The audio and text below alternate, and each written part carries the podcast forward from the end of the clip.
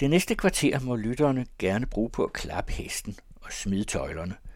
For her kommer første del af den anden radios program om den plagede hest og skønlitteraturen. Da jeg læste om den blinde hest, der får pryl og bliver slået ihjel i Selma Lagerlöfs roman Jerusalem, så mindede det mig om alle de andre heste, der måtte lide og dø i løbet af litteraturhistorien. De udpenslede hesteparteringer i Kongens Fald og Rodion Raskolnikovs mareridt i Forbrydelse af straf, for eksempel. Det er scener, der krasser sig helt ind i hjernebakken. Men hvorfor skriver man så meget om hestekroppe, der plages og ødelægges?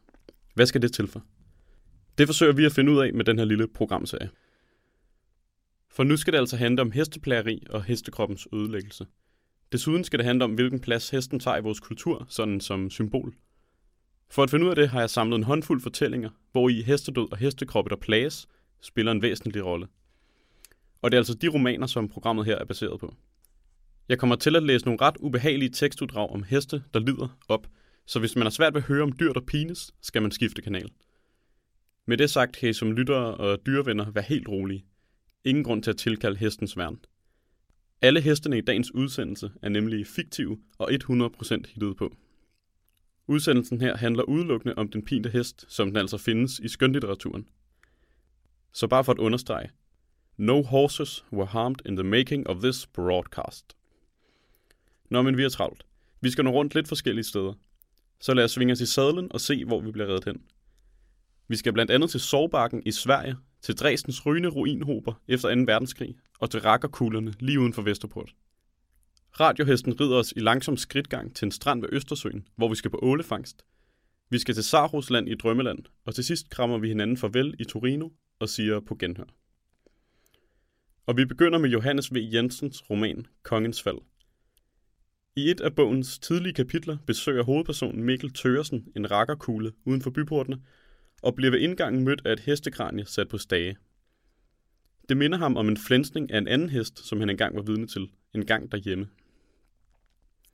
Tekstbiden, hvor Johannes V. Jensen beskriver hesteparteringen, bliver ret tit brugt som eksempel på hans dygtige billedsprog, så den skal selvfølgelig også være med i min gennemgang af skønlitteraturens optagethed af den lidende hest. Jeg læser op. Rakkeren vred hesten om på ryggen og begyndte at åbne den. Blodet lå i en stor brun pøl, der smeltede sig ned i sneen. Den blegrøde frode frøs snart til is. For hvert snit af kniven vældede en farve ud af den dampende hestekrop. Kødet spillede i dejlige blå og røde farver. Og se, trævlerne blev ved at røre sig, fare sammen og skælve mod frostluften. De overskårne muskler krympede sig som orme i den svirpende ild.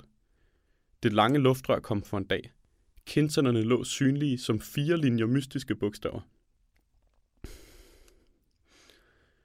Der kom en fin lysrød hende frem. Den var mønstret med mangfoldige blå åre, som et flodrigt land set højt oppefra. Da brystet blev åbnet, var der ligesom en hule. Store hvidblå hænder hang ned. Brunt og sort blod kom ud af småhuller i de årede vægge. Det gule fedt stod fra loft til gulv i langelige og drivende klaser. Leveren var mere brun end alt andet brunt i verden. Milten kom til syne blå og skimlede som natten og mælkevejen. Og der var mange flere skære farver, blå og grønne indvold, teglstensrøde og okkergule dele. Alle Østerlands frodige rå farver, gult som Ægyptens sand, turkisblåt som himlen over Eufrat og Tigris. Alle Orientens og Indiens ublu farver blomstrede ud midt i sneen under rakkerens skidende kniv. Sikke mange farver.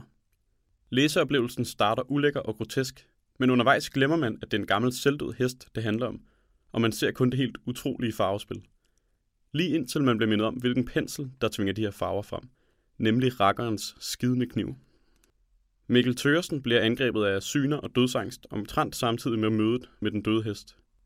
Alt er rynker, kødet visner under huden, og pludselig springer den sorte ramme ud om alderens ynk. Et glimt af de gule ben og låget gror sammen under en regn af jord. Dine sideben skal svuppe mod jorden. Du skal smække mod grunden som en stolpe, hvis rod er rådnet hen. Hesten i kongens fald minder os om vores egen dødelighed. Hvordan vi selv en dag skal sættes på stagen af Vesterport med osen indvold, der hænger i klaser. Derfor skal vi også huske hinanden på den uhyggelige helhest for folketroen. Den trebenede helhest, der bebuder en nært forestående død hos den, der er så ulykkelig at se på den. Hold jer for øjnene og se væk, hvis I hører den luske i jeres retning. Det kan være jeres liv, det kommer ind på. Bare I ikke holder jer for ørerne endnu, for vi er slet ikke færdige med vores studie i den plade hest. Vi bliver lidt ved kongens fald, hvor hesten spiller en ganske speciel rolle. Hesten, der giver op og dør udmattelse, mens rytteren stadig sidder på dens ryg. En af bogens hovedpersoner fryser rigtig nok også ihjel siddende i en hestesadel.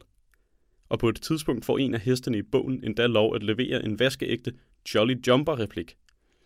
Få linjer, inden den drætter om af overanstrengthed, når den at tænke gammelklogt. I dag hest, i morgen krikke. Hestene i kongens fald lider på en måde samme ærgerlige skæbne som menneskene. Der er altså noget faretroende over hesten, der dør. I den første hesteparteringsscene spiser Mikkel af rakkerens hest, men det er ikke lige frem, fordi man fornemmer, at den scene skal være appetitvækkende, snarere dødsfrygtindgydende. Hesten er Mikkels og læserens memento mori, før den er charcuterie og millionbøf.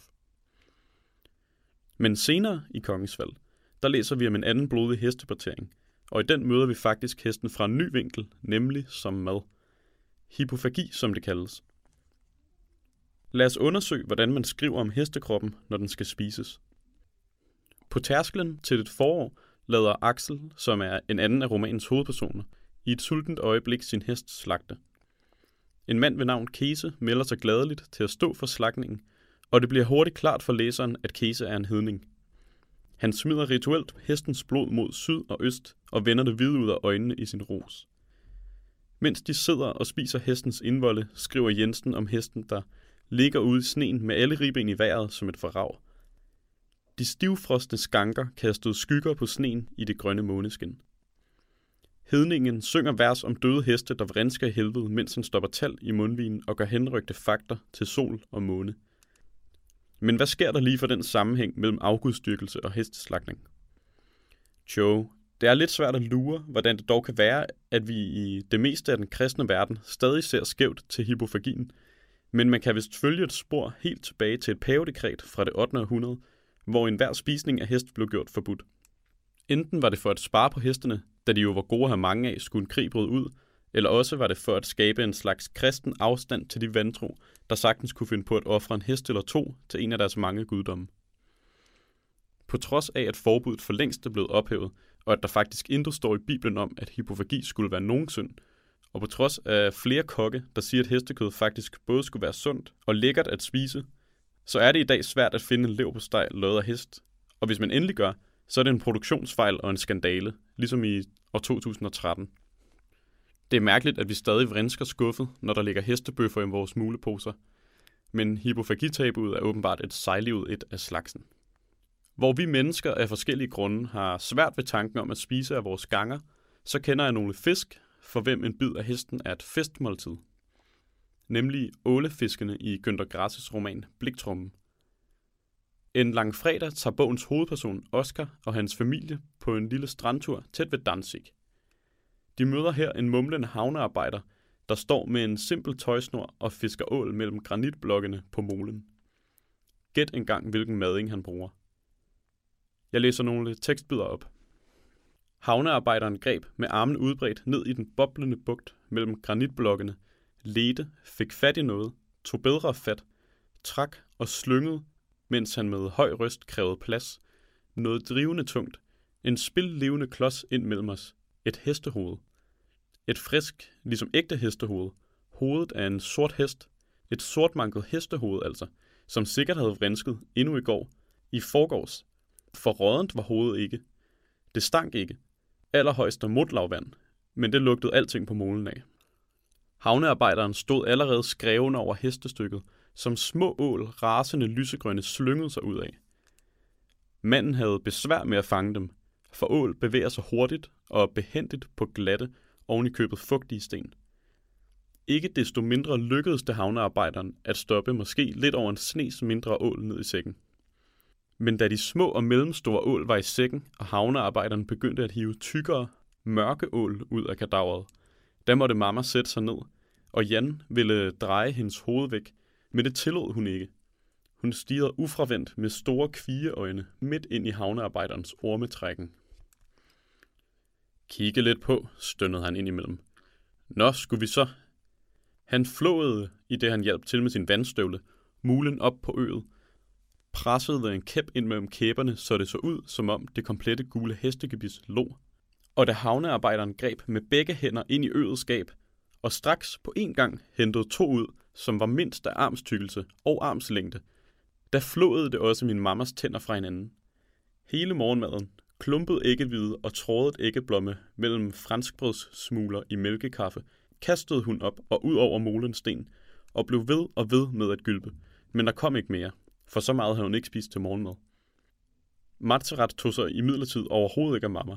Han lå og efteræbbede havnearbejderen, spillede ham med de stærke naver, og da havnearbejderen var næsten færdig, og som afslutning trak en mægtig ål ud af øets øre, sammen med ålen lå hele den hvide grød savle ud af dyrets hjerne. Da fik ganske vist selv Matzerath et ostansigt, men praleriet opgav han alligevel ikke. Købte for en slik to mellemstore og tykke ål af havnearbejderen, og ville bagefter hente prisen endnu længere ned. Adet var klamt. Bliktrum blev engang filmatiseret, og man kan se hele den ulækre scene med hestehovedet på internettet. Kapitlet har måske inspireret den ikoniske scene fra The Godfather, altså den, hvor der gemmer sig et afhugget hestehoved under et lagen som en trussel. Og det virker igen som om, at der er noget faretruende over den lemlæstede hestekrop. Ligesom i kongens fald er det ikke helt uvedkommende for rytteren, hvad der sker med hans hest. Hvis krikken knækker under mig, kan jeg være sikker på snart selv at krapere. Det er en slags amputation at miste sin ganger.